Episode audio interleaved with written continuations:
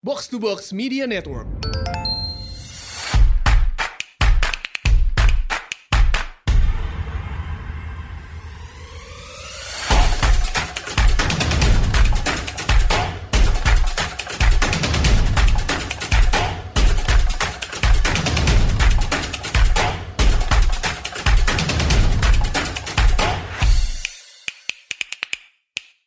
Selamat datang di Asumsi Bersuara. Kali ini kita akan bahas lagi tentang COVID nih. Udah lama terlupakan gitu ya. Kita udah jarang ngomongin soal COVID ini, mentang-mentang kasusnya lagi rendah-rendahnya. Tapi kita nggak boleh uh, terlalu jumawa gitu ya. Kita sekarang lagi menghadapi varian baru, Omicron. Ini sudah di depan mata. Uh, di Indonesia udah ada belasan kasus ya kalau nggak salah ya, teridentifikasi Omicron saat ini per berita terakhir. Kebanyakan sih terdeteksinya masih di karantina katanya. Mungkin nanti kita bisa bahas lebih lebih dalam juga. Um, tentu kita nggak mau terulang lagi puncak pandemi seperti ketika uh, Delta menyerang ya di, di Juli sampai Agustus kemarin gitu. Nah untuk itu saya hari ini akan ngobrol-ngobrol bareng Profesor Zubairi Jurban.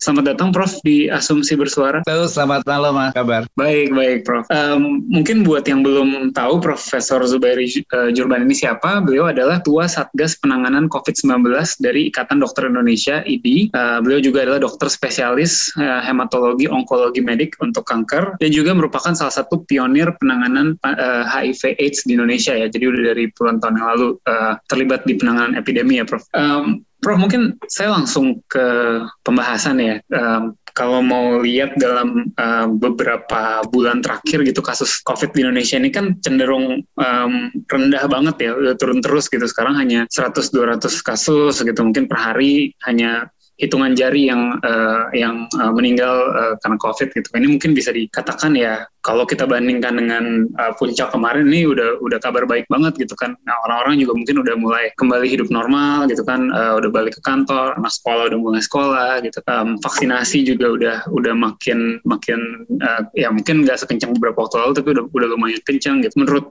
um, menurut Pro uh, Zubairi, kenapa sih uh, maksudnya apa yang yang bisa dibilang uh, oke okay, kita bisa sampai ke titik ini nih kok bisa gitu sementara kalau kita bandingkan ya di banyak negara-negara lain itu malah malah lagi tinggi-tingginya gitu di Amerika, di Eropa, bahkan sekarang di Australia gitu. Um, tapi kok kita kayaknya masih adem ayam nih, uh, Prof. Uh, ada yang uh, apa nih kira-kira uh, apa yang iya, menjelaskannya? Ya, Oke, okay, jadi kita memang benar pada posisi yang amat sangat bagus. Uh, positivity rate Indonesia itu di bawah satu persen. Dulu kita pernah 44 persen, pernah yeah. gawat yeah. banget, pernah kolegaku dokter yang meninggal dalam satu bulan itu pernah 208 orang meninggal bulan hmm. Juli. Nah, kemudian rumah sakit waktu itu penuh, sekarang kosong, lompong, yeah. nama sangat sedikit. Nah, kemudian ya yang eh, kasus baru sedikit, yang meninggal sedikit. Mengapa bisa sampai begitu? Eh, padahal ini bukan kita capai sekarang, sudah kita capai sekitar sebulan lebih. Itu kan hmm. padahal waktu itu kita capaian vaksinnya baru eh, kurang dari 30 persen. Hmm. Jadi memang ada faktor lain selain vaksin. Jadi hmm. vaksin penting, namun juga ppkm kita mungkin juga lumayan bagus. Kemudian eh, ya perilaku masyarakat untuk pakai masker, sering cuci tangan, tidak kumpul. Walaupun kita masih sering dengar sini sana pada ngaco, tapi sebagian besar kelihatannya lumayan baik. Hmm. Nah, hal seperti ini juga terjadi di Jepang. Jepang tadinya uh, bulan Agustus September tinggi banget, kemudian anjlok. Nah, Hmm. Tetapi mereka kemudian berpikirnya begini, kayaknya vaksinasi kita hampir sama juga lah, kita lebih rendah sedikit dari Singapura, lebih rendah dari Israel, kata orang Jepang. Tapi kita kenapa bagus ya, padahal eh, apa ppkm-nya, lockdown-nya juga eh, hampir sama saja. Hmm. Jadi kalau salah satu faktor menurut orang Jepang mengapa menurun anjlok adalah bukan faktor tata laksananya, namun kelihatannya uh, salah satu dugaannya adalah uh, virus ini kan uh, beriplikasi terus hmm. supaya bisa melarkan ke orang lain jadi uh, terus uh, makin banyak makin banyak nah satu saat pada waktu replikasi dan waktu mutasi ini mencapai titik tertentu menurut teori Jepang mendadak anjlok mati berat hmm. sehingga sekarang di Jepang lebih rendah dari Indonesia juga jadi hmm. uh, Jepang yang tadinya amat sangat tinggi kasus baru per hari plus meninggalnya mendadak hilang gitu ya.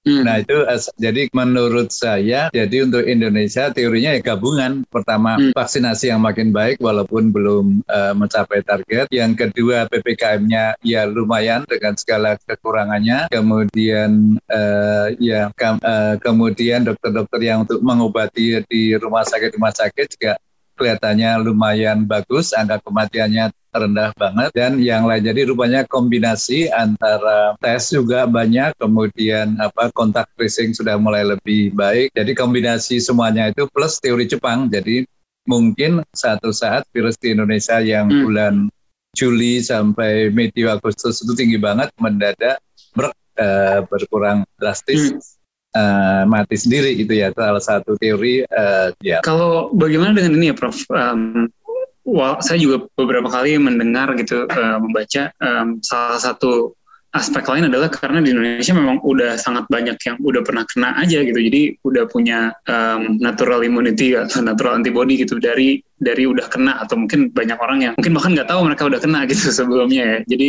ketika di survei apa sero survei lumayan tinggi yang udah pernah kena jadi hmm. um, udah ya walaupun vaksinasi yang masih kurang tapi um, udah udah pada pernah kena jadi nggak uh, akan kena lagi gitu masuk akal nggak tuh?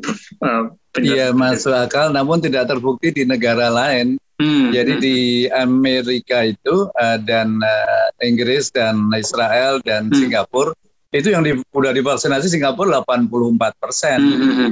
Plus kasusnya yang positif kan juga sudah total herd immunity-nya sudah jauh lebih tinggi. Hmm. Kenyataannya kasus barunya masih tinggi, hmm. hmm lebih tinggi dari uh, kita. Uh, sekarang mulai turun sih eh, Malaysia juga begitu. Nah, kenapa? Jadi eh, kemudian Amerika Amerika itu pada waktu tolong diingat 173 juta penduduknya, penduduk Amerika itu sekitar 320 juta. Yeah. Pada waktu 173 juta penduduknya sudah divaksin lengkap dua kali, maka dari 173 juta itu masih ada masih ada 30 ribu lebih yang kemudian terinfeksi dan dirawat. Artinya terinfeksinya tidak ringan hmm. dirawat dan dari situ yang meninggal masih sepuluh ribu lebih.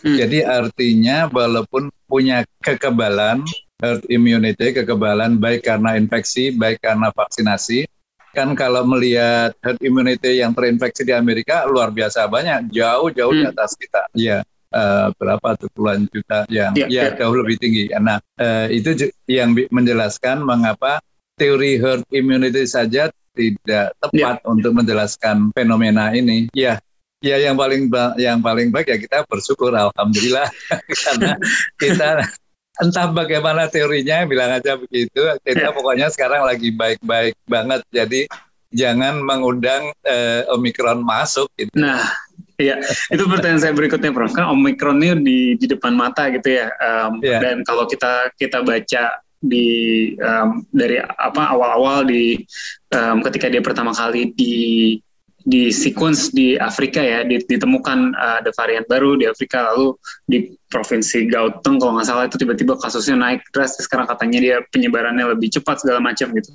Um, dan akhirnya dia udah udah ter, terdeteksi di Indonesia gitu. Mungkin secara garis besar dulu Prof, Profesor uh, Prof. Zubairi melihatnya um, kayak gimana nih kita uh, udah siap belum menghadapi uh, potensi kenaikan kasus lagi gitu kalau misalnya uh, benar dia akan masuk gitu apakah akan terjadi lagi uh, wave berikutnya? Iya jadi harapan lain sebelum membahas ini adalah hmm. mungkin mirip-mirip juga influenza influenza itu di Amerika sekarang masih walaupun sudah vaksinasi setahun sekali masih hmm. menyebabkan kematian beberapa puluh ribu per tahun hmm. gitu ya. Hmm. Hmm. Indonesia enggak, jadi mungkin juga ada pengaruh seasonal, pengaruh musim dingin juga hmm. gitu ya. Hmm. Kan kalau uh, musim dingin itu di Amerika ternyata banyak juga orang yang homeless yang tidak punya rumah, yang tidak hmm. punya pemanas sehingga begitu kena flu kemudian di musim dingin uh, meninggal.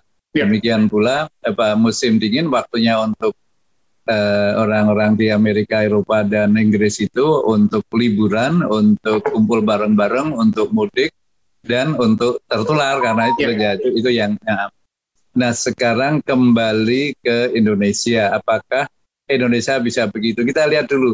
Uh, jadi Afrika Selatan itu kan tadinya nggak ada 900 kasus baru per hari. Begitu hmm. kemasukan Omikron langsung 1000, 2000, 4000, 5000, 15000, akhirnya 35000. Sekarang turun lagi. Nah, bagaimana hmm. Amerika? Amerika itu juga tadinya sepi banget tanggal awal Desember itu baru satu, kemudian tanggal belasan itu juga baru naik ke beberapa. Sekarang tahu-tahu sudah 70 persen. Jadi hampir semua eh, virus penyebab COVID-19 di Amerika ini sebagian besar sekarang Omicron, bukan hmm. Delta. Jadi Delta nyerah kalah itu Amerika. Bagaimana Inggris? Inggris Sami Mawon, Inggris juga ternyata cepat sekali di Inggris eh, bahkan eh, tanggal 20 berapa? Dua kemarin sudah jauh di atas 60 ribu kasus baru eh, kasus Omikronnya. Hmm. Dan yang menyebabkan eh, nanti yang yang ternyata mengagetkan kan tadinya kita tahunya pokoknya mudah menular tapi tidak gawat, mudah menular hmm. tidak berat, mudah menular tapi nggak uh, apa-apa lah paling batuk ya. pilek. Ternyata membuat kematian di Inggris sudah 18 hari ini. Oh, oke. Okay. Jadi uh, harus hati-hati juga kita. Jadi Indonesia tidak bisa abai, tidak boleh istilah anda tadi cemawa, tidak hmm. boleh euforia. Jadi kita tetap harus waspada, tetap harus uh, banyak banget uh, aktif menemukan uh, kasus Omikron dan mengisolir, mengkarantina dan mengobati. Iya iya iya. Um, kalau yang salah satu langkah yang udah dilakukan pemerintah itu kan meningkatkan lagi uh, karantina luar negeri dari tiga hari sekarang jadi 10 hari ya. Uh, kalau Prof Zubairi ngelihat itu sebagai langkah pencegahan varian baru masuk itu seperti apa? Karena uh, ya kalau Ya bagus lah. Jadi di awal-awal dulu kan kita tahunya masa inkubasinya eh, paling lama 14 hari, namun sebagian 90 persen lebih, 97 persen lebih itu selesai dalam 11 setengah hari. Ya. Kemudian sebagian besar terjadi penularannya hari keempat sampai hari keenam. Hmm. Kemudian pada waktu Omicron lebih cepat lagi eh, mul, apa, penularannya dan masa inkubasinya. Nah, berdasarkan itu, maka yang paling aman memang karantina 14 hari. Hmm. Namun karena 97 persen lebih di 11 setengah hari, jadi 10 hari aman. Hmm. Kemudian eh, pada waktu eh, sudah mulai turun-turun terus, orang mulai mikir jangan-jangan seminggu aman. Jadi di Amerika seminggu aja deh nanti kalau sudah hari kelima dites kalau negatif hari ketujuh merdeka gitu ya. Hmm. Indonesia tadinya kita bahkan sempat tiga hari gitu ya. Namun begitu ada Omikron ini kita eh, saya kira pemerintah tepat ngambil keputusan sekarang karantina 10 hari. Namun hmm. 10 hari nggak boleh ditawar siapa pun. Hmm. Biar Anda uh, wartawan yang punya pengaruh besar, biar Anda anggota DPR virusnya kan nggak kenal dia nggak nggak nggak tanya hmm. lu apa sih anggota DPR ya udah kalau gitu boleh lima hari aja deh nanti aku nularnya sampai lima hari nggak ada begitu jadi memang aturan eh, mengenai lama karantina mestinya tidak boleh tawar menawar sama semuanya Ya, um, kemarin kan katanya itu ya, ada kalau WNA, kalau orang terpandang boleh nggak karantina atau ada yang pejabat khusus boleh karantina di rumah gitu-gitu ya. Uh, Sebenarnya saya mau nanya, mau nanya ini juga sih Prof. Uh, kalau yang yang ditujukan dengan kita buat karantina itu adalah supaya si orang ini specifically tidak menye, tidak menyebarkan kalau misalnya dia kena Benar. atau atau spes, atau benar-benar mau mencegah varian baru masuk gitu karena apakah mungkin sih mencegah varian baru masuk gitu um, negara-negara lain nggak ada yang mampu juga gitu. Ya walaupun diplomat, walaupun hmm. anggota DPR, walaupun menteri, kan ini masalah kesehatan, masalah hmm. uh, virus nularnya bisa sampai uh, hmm. sesuai dengan ilmu ilmu yang di yang juga diterapkan pemerintah untuk sebagian besar masyarakat 10 hari 10 hari ya 10 hari saja menurut hmm. pandangan saya. Uh, iya, mungkin kalau kalau Prof Zubairi melihatnya ini apakah mungkin dengan karantina 10 hari itu kita bisa betul-betul mem-fan off jangan sampai bisa masuk terjadi community transmission gitu. Oh, bisa, namun tidak 100% kan sudah hmm. terbukti.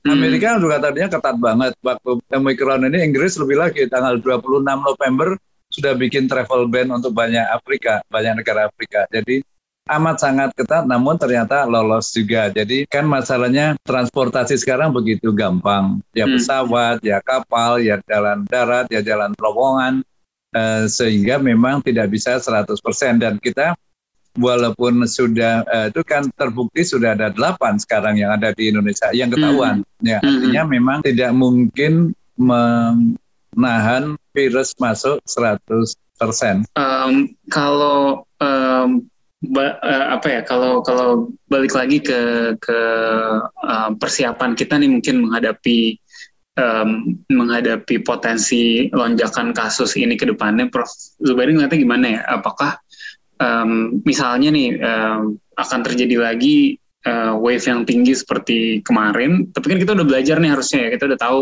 um, kita kira-kira butuhnya uh, fasilitas kesehatan berapa banyak gitu kalau misalnya sampai casesnya melambung tinggi lagi. Kira-kira apakah kita lebih siap nih Prof sekarang dibandingkan waktu Juli kemarin? Uh, iya, begini kalau melihat kan berdasarkan pengalaman negara lain, kita lihat Afrika dan lihat Inggris. Ya, kalau hmm. lihat Afrika itu lama rawat, jadi sebagian besar tidak perlu rawat. Hmm. Kan memang bagian dari dulu kita tahu OTG gitu ya. Hmm. Namun sebagian kecil perlu dirawat dan dirawat itu yang di Afrika Selatan dibuktikan lama rawat hanya rata-rata 2,8 hari untuk Omicron dengan hmm. untuk Delta sekitar 10 hari. Hmm. Kemudian eh, kalau bagaimana di Inggris, di Inggris eh, juga sebetulnya bisa kita lihat di eh, slide eh, saya itu. Kan tadi yang meninggal ada berapa itu? 12 itu ya? Hmm. eh 18 sorry. Ada 18 tapi yang yang dirawat ternyata tidak begitu uh, banyak. Hmm. jadi artinya uh, dari 60 ribu lebih kasus uh, Omikron hmm. uh, itu yang dirawat di Inggris hanya beberapa ribu uh, saja eh, nanti saya sampaikan apa angka rinciannya. Tapi artinya memang eh, ada yang meninggal, tapi yang perlu rawat ternyata tidak banyak. Jadi hmm. untuk Inggris ini tepatnya pada tanggal 22 Desember yang harus dirawat hanya 195 ribu. Eh, sorry, sorry. 195. 195 orang, hanya yeah. 195 orang yang dirawat di rumah sakit. Padahal hmm. jumlah uh, Omikronnya per 22 Desember itu ada uh, 74.089. Hmm. Jadi dari 74.089 itu hanya sedikit sekali yang dirawat di rumah sakit, yaitu yeah. 195 orang, dan dari situ yang meninggal 18. Jadi memang benar jauh lebih ringan, tetapi hmm. tetap bisa menyebabkan kematian. Hmm. Jadi kalau dari sisi kes, kalau dari data ini sih ya kita harus siap-siap namun tidak perlu berlebihan. Jadi asal kita siapnya bertahap. Jadi misalnya sekarang pin sama seperti di uh, awal dulu, kemudian kalau ternyata uh, mulai jauh cepat banget kayak Inggris, ya kita lipat gandakan kalau perlu membuat rumah sakit darurat, rumah sakit darurat lagi. Hmm, tapi uh, kalau kemarin kan agak telat ya Prof. Uh, jadi misalnya uh, kasusnya puncaknya di Juli Agustus kita res daruratnya banyak yang siapnya di akhir Agustus September gitu kalau nggak salah ya. Kalau sekarang kita udah tahu dong ya um, gimana biar cepet ketika nanti tiba-tiba jika jangan sampai gitu ya. Tapi jika kita tiba-tiba butuh bisa bisa lebih cepet mungkin nggak tuh? Iya bisa kelihatannya kan tolong diingat kira-kira sebulan yang lalu sebelum Omikron masuk hmm. uh, seluruh dunia membahas bagaimana kita akan menghadapi gelombang ketiga Hmm. Uh, termasuk Indonesia, termasuk dalam hal ini Kemenkes dan juga kita semua, uh, ID juga. Jadi kita siap-siap. Jadi misalnya timbul gelombang ketiga, rumah sakitnya kita harus siap obat-obatannya, kita harus siap uh, eh, ICU-nya, kita harus Again. siap uh, bednya, kemudian hmm. SDM-nya, dokternya bagaimana, hmm. perawatnya bagaimana, sudah dibahas, sudah dirancang waktu itu. Jadi tinggal kalau antisipasi terhadap gelombang tiga ini kita siapkan itu sama juga dengan kita siap menghadapi Omikron. Iya, iya, iya. Um, sekarang mungkin saya pengen beralih ke uh, ke tentang vaksinasi, Prof. Kalau um, yeah. kemarin tuh baru ada um, ba baru diputuskan ya, udah bisa uh, anak 6 sampai uh, 11 tahun di divaksin gitu dengan targetnya kalau nggak hmm. salah 2,8 juta anak. Mungkin ini berita bagus gitu kan orang-orang yang punya anak uh, kecil boleh sekolah lagi atau enggak sekarang udah, udah divaksin harusnya lebih lebih lega gitu ya. Tapi mungkin hmm. ada juga yang bertanya-tanya soal uh, resikonya dibanding KIPI yang mungkin terjadi gitu Prof. Karena kan banyak yang dari dulu kan kita tahunya anak-anak uh, resiko COVID-nya rendah gitu kan. Um, sementara uh, apa namanya sementara vaksin ini juga kipinya lumayan buat buat anak-anak gitu banyak yang yang uh, apa yang ada concern ke situ mungkin kayaknya penting untuk diadres nih prof uh, concern tersebut ya iya mengenai anak-anak tolong diingat anak-anak memang lebih sedikit yang kalau tertular yang masuk rumah sakit. Namun tetap saja uh, apalagi Indonesia ternyata kematian anaknya karena COVID tinggi hmm. Hmm. dibandingkan negara ASEAN yang lain itu itu data. Jadi memang untuk Indonesia harus hati-hati. Yang uh, kedua anak-anak ini sebagian besar kan kalau tertular tanpa gejala. Hmm. Jadi dia bisa bawa virusnya ke rumah, nularin kakaknya, adiknya, hmm. bapaknya, ibunya, kakeknya, neneknya, tetangga jadi membahayakan lingkungan masyarakat banget hmm. karena sebagai pembawa virus yang uh, tanpa gejala yang amat mudah menularkan kan penularannya lewat uh, selain droplet juga airborne gitu ya. Hmm, hmm. Jadi apalagi nanti kemudian anak-anak sekolah ngumpul banyak-banyak. Jadi karena itu memang anak-anak menurut saya uh, wajib banget untuk vaksinasi. Hmm. Kalau kalau terkait risikonya pernah orang pada takut gitu kan uh, takut terhadap risiko oh, kipi di anak-anak gitu ya. Anda dulu juga takut kan mau divaksin awal-awal. ya, saya juga saya dulu udah daftar nggak takut tapi nggak boleh. Kan bapak umurnya 74 tahun sekarang saya hampir 75 uh, nggak bu oh, karena usia ya terus kemudian waktu usia boleh saya bapak dari riwayat sakit nggak hmm, ya ada sih diabetes ada darah tinggi ya, saya pernah operasi jantung bypass uang gak boleh katanya. uh, jadi dulu orang takut-takut semua, tapi kemudian makin banyak bukti sekarang, makin banyak komorbid, makin banyak seseorang itu punya penyakit, apa itu diabetes, darah tinggi ataupun jantung, makin harus cepat-cepat vaksin supaya terlindung. Hmm. Karena orang-orang ini usia lanjut terus banyak penyakit, kalau kena uh, eh, COVID-19 gawat kemungkinan ya. meninggalnya yeah. menjadi lebih besar. Uh, demikian pula eh, pada prinsipnya begitu. Jadi untuk anak-anak juga lebih baik daripada sakit daripada melakukan memang vaksin dan efektivitasnya dan keamanannya sudah teruji. Hmm. Jadi hmm. bahwa aman dan efektif itu uh, sudah teruji di uji klinik pada ya. anak-anak. Ya, ya, ya. Um, tadi Prof. Uh, Zubairi sempat sebut soal uh, dia takutnya bisa menulari orang-orang lain di rumahnya segala macam. Tapi um, selama ini apakah um, terkait ke, apa efektivitas untuk men mencegah transmisi itu bukannya masih jadi tanya ya, Prof. Kayak dia kita tahunya kan adalah dia mencegah sakit gitu kan, mencegah sakit yang parah gitu. Tapi apakah tetap bisa terkena? Kayaknya di Amerika banyak juga orang yang uh, yang tetap terkena gitu kan, tetap mungkin bisa menularkan gitu. Kalau Oh iya, uh, benar dan salah. Artinya hmm. begini. Memang tadi saya sebutkan bahwa dari 173 juta itu masih ada 30 ribu lebih yang terinfeksi dan masuk hmm. rumah sakit. Namun angka itu 30 ribu per 173 juta itu amat sangat kecil banget bila dibandingkan dengan angka sebelumnya yang tidak vaksinasi yang hmm. kemudian tertular itu ya, jauh lebih banyak. Betul.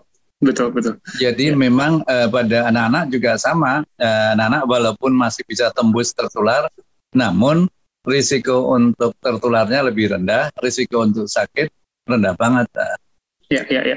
Prof, um, kita kalau saya nggak salah baca um, bakal udah mulai offering vaksin booster ya ke ke ya. masyarakat ya. Uh, mulai bulan depan ya, mulai Januari, mulai tahun ya awal tahun depan ya, Januari gitu. Um, ke, um, menurut menurut Prof Zubairi ini udah udah saat yang tepat buat kita pada ambil booster atau meng, karena orang banyak berpikir gini ya, banyak orang yang belum dapat nih bahkan uh, vaksin pertama atau vaksin kedua, uh, kok kita udah mulai pakai booster. Tapi di sisi lain, di banyak negara-negara ya kalau belum vaksin ketiga itu belum dianggap fully vaccinated gitu. Kayak di Israel misalnya dia kalau baru dua itu belum belum full gitu dia karena memang katanya kurang uh, uh, apa untuk mencapai antibody yang dibutuhkan gitu. Prof Zubairi ngerti okay. kita gimana? Iya, jadi kalau istilah fully vaccinated itu dua kali memang. Hmm. Hmm. Namun dua kali ternyata tidak cukup baik untuk melindungi kita. Jadi memang diperlukan booster, booster diperlukan uh, banget karena itu uh, nakes saya udah berapa bulan yang lalu udah di booster sih, jadi hampir semua nakes sudah di yeah, yeah. booster karena memang prioritas pertama itu kemudian pada usia lanjut dan berikutnya pada yang imunitasnya rendah, kemudian pada seluruh populasi. Jadi memang booster amat sangat perlu untuk melindungi kita. Hmm. Masalahnya uh, kan masih banyak yang belum dua kali vaksin. Hmm. Ya menurut saya sekaligus jalannya. Jadi artinya yang belum dua kali vaksin harus segera vaksinasi, yang belum booster ya segera booster juga. Jadi hmm. artinya bisa sejalan. Jadi bukan apalagi uh, yang hmm. booster tidak merugikan yang ya, belum vaksin karena kan yang booster rencananya bayar sendiri. Hmm, jadi jadi nggak harusnya beda track gitu ya, yang yang booster. Ya beda track tidak merugikan yang uh, hmm. masyarakat yang belum vaksinasi dua kali. Ya, um, Prof, Prof melihatnya um, apakah uh, ke depannya ini akan kayak vaksinasi flu gitu ya, yang kita tiap tahun tiap tahun akan perlu ngambil vaksinasi itu karena mungkin tiap tahun beda ada um, yang berbeda yang perlu apa uh, virusnya mungkin ada mutasi atau apa jadi tiap tahun harus dilakukan gitu dan diwajibkan atau atau gimana atau gimana ya khusus untuk COVID ini? Apakah seperti flu? Untuk diketahui flu itu influenza ya kali ini yeah. istilahnya. Itu di kita nggak banyak dikenal Hmm. Oh. Tapi di kebetulan anakku tinggal di Amerika, cucu tinggal di sana. Jadi setiap bulan September Oktober harus vaksinasi hmm. influenza. Setiap tahun iya, setiap tahun karena eh, vaksin yang dipakai tahun lalu nggak bisa melindungi virus influenza yang sekarang ini. Jadi hmm. setiap tahun harus vaksinasi. Eh, kenapa kita tidak? Karena memang di eh, Indonesia tidak terlalu menjadi beban berat dari sisi kesehatan bahwa kalau anda mau vaksinasi flu itu juga bagus sih, namun tidak hmm. tidak wajib banget. Kalau di negara dengan musim dingin amat sangat uh, wajib supaya kita terlindung, tidak sakit berat, tidak meninggal akibat influenza yang masih uh, mengambil korban lumayan banyak di sana. Hmm, hmm, hmm. Iya, hmm. yang kita harapkan memang uh, eh, COVID-19 ini satu saat menjadi endemis mirip-mirip influenza artinya adanya namanya di Eropa, di Amerika, di Inggris saja gitu, nggak usah. Terus Amerika juga maunya di musim dingin saja sehingga vaksinasi tahunan gitu ya. Hmm. Uh, itu skenario yang salah satu yang bisa uh, terjadi itu. Jadi harus vaksinasi setahun sekali, namun kelihatannya bukan tidak berlaku untuk setiap negara bisa juga terjadi uh, demikian skenario yang lain kapan terjadinya nah itu yang masih tanda tanya besar hmm. kita maunya tahun depan tapi beberapa kali memikirkan tahun 23 tahun 24 dan jadi mulai ada yang berpikir paling cepat 24 ya hmm. kita sih doanya maunya tahun depan dah endemis gitu ya. Iya iya iya. Sebenarnya um, saya jadi jadi penasaran nih kalau tadi kan uh, Prof bilang ya moga-moga uh, pandemi ini berakhirnya menjadi endemis di beberapa negara aja gitu nggak sebenarnya gimana sih pandemi itu berakhir gitu? Kalau kalau kita lihat yang yang 100 tahun yang lalu pandemi flu itu kan lama sekali ya walaupun akhirnya pelan-pelan hilang gitu kan. Um, end of the pandemic ini akan kayak gimana kalau Prof Zubairi uh, Oke okay, saya beri contoh. Hmm. di muka bumi itu hanya satu virus yang hilang musnah hmm. yaitu variola. Hmm. di luar itu nggak ada. Variola kita tahu uh, influenza sekarang masih banyak Hmm. HIV AIDS sudah 40 tahun lebih masih ada di sekitar kita. Hepatitis B, sami mawon, hepatitis C juga herpes, apalagi kemudian hmm. varicella, uh, herpes zoster, kemudian beberapa penyakit lain masih ada di sekitar kita. Jadi memang untuk hilang musnah dari muka bumi untuk COVID-19 ini not likely kayaknya hmm. bukan skenario yang amat bisa terjadi. Hmm. Um, jadi jadi in, in the end bakal tetap ada gitu ya. Um, iya, tetap ada pertahanannya. Ya. Seperti tadi bayangan saya di Amerika, di Inggris, di Eropa. Tapi kalau di Indonesia katakan misalnya satu saat adanya di Papua atau silang, nanti muncul lagi di Jakarta terus silang. hmm. terus ada lagi di mana di Lampung atau di Aceh atau di Kalimantan gitu. Jadi tidak tidak merata Indonesia, apalagi merata dunia seperti sekarang ini. I see, I see, I see. Oke, okay. Prof. Sebenarnya uh, dari saya udah nggak ada pertanyaan lagi nih, Prof. Tapi mungkin kalau dari Profesor Zubairi ada yang merasa uh, mungkin penting nih suatu hal yang uh, untuk diketahui oleh pendengar asumsi bersuara, tapi dari tadi mungkin kita belum sempat uh, sentuh nih, Prof. Ada? Ya, ini mengenai Natal, Natal hmm, um, ya. liburan panjang ini. Ya. Liburan panjang Lebaran yang lalu terbukti bisa menyebabkan klaster yang luar biasa banyak. Demikian pula Natal tahun baru yang tahun lalu. Hmm. Nah, jadi pada kesempatan ini menghimbau pada kita semua yang ya jangan pulang kampung, jangan mudik, jangan banyak bepergian pada waktu eh, liburan panjang ini. Jadi jangan mudik, jangan bepergian eh, apalagi jarak jauh untuk eh, liburan ini. Kemudian apalagi kemudian bahwa eh, masker, sering cuci tangan itu tetap bisa mencegah. Jadi tetap harus selalu dikerjakan. Hmm. Jadi jangan lupa pakai masker kalau ke luar rumah. Kemudian tempat yang amat menular dari pengalaman yang lalu adalah kalau kita ada di satu ruangan tertutup dengan banyak orang dan lama. Hmm. Jadi kalau kita rapat atau justru kita ibadah untuk sholat atau di gereja atau di biara, jangan lama-lama dan jangan di ruang tertutup. Jadi kalau bisa walaupun ada AC tetap saja jendela pintu dibuka. Hmm. Dan jangan lama-lama. Berapa lama ya Pak lama? Eh, satu jam kalau bisa kurang gitu ya hmm. di ruangan itu. Kemudian karena sudah terbukti klaster eh, di tempat ibadah itu banyak banget. Yeah. Baik di masjid, di eh, pesantren, di gereja, di vihara, di Indonesia, di luar negeri lebih banyak lagi di Korea hmm. maupun di Prancis dan di Amerika banyak sekali terjadi uh, klaster di tempat ibadah. Jadi dan kemudian uh, kalau kita melakukan menurut kita amat sangat baik dari sisi agama maupun sisi masyarakat. Jadi kalau kita melayat, kalau kita takziah, hmm. kalau kita yasinan, kalau kita 40 hari atau seminggu itu ternyata risiko penularan tinggi Hmm. Kenapa? Karena pada waktu kita baca eh, Al-Quran biasanya banyak kemudian dibuka dan itu sudah terbukti bisa menularkan. Apalagi itu asrama, semua asrama, baik asrama buruh itu yang banyak terbukti di Malaysia, di Singapura. Ya. Di Indonesia juga ternyata banyak di Bekasi, tempat lain di pabrik itu. Ternyata eh, klasternya bisa muncul banyak banget klaster pabrik, klaster perkantoran, klaster bahkan klaster waktu itu untuk apa asrama eh, untuk angkatan bersenjata pun bisa terjadi penularan yang tinggi. Jadi tolong ingat itu adalah berisiko. Demikian pula eh, kapal pesiar, apalagi jadi kapal pesiar kalau apalagi kalau yang mewah, yang tertutup, yang nyaman pakai AC tertutup itu ternyata justru penularannya tinggi banget.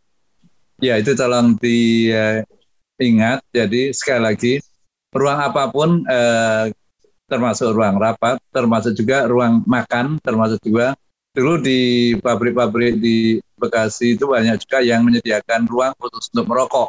Itu nggak hmm. boleh itu merokok hmm. bareng-bareng satu ruangan, apalagi tertutup itu sama saja dengan menyebarluaskan eh, virus. Iya, saya kira itu saja. Namun kesemuanya ini harus dirangkai dalam bentuk tidak usah panik karena kenyataannya Indonesia sekarang masih rendah. Namun juga hmm. jangan cemawa, jangan sombong.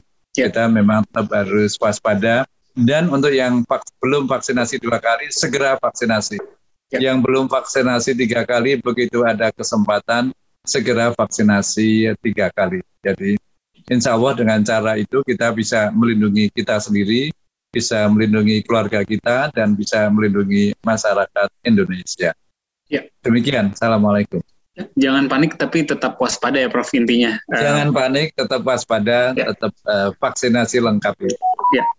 Prof Zubairi, terima kasih banyak. Saya belajar banyak hari ini. Mudah-mudahan juga pendengar kita uh, dapat banyak uh, pelajaran baru lah soal uh, state of the pandemic saat ini. Gitu. Mudah-mudahan juga tidak terjadi wave yang parah lagi seperti Agustus kemarin ya Prof. Benar. Siap, uh, Prof. Zubairi, thank you. Uh, buat pendengar asumsi bersuara juga, terima kasih banyak. Uh, Sama-sama, udah, Mas ya, sampai Yo. bertemu Ya, lagi. Ciao.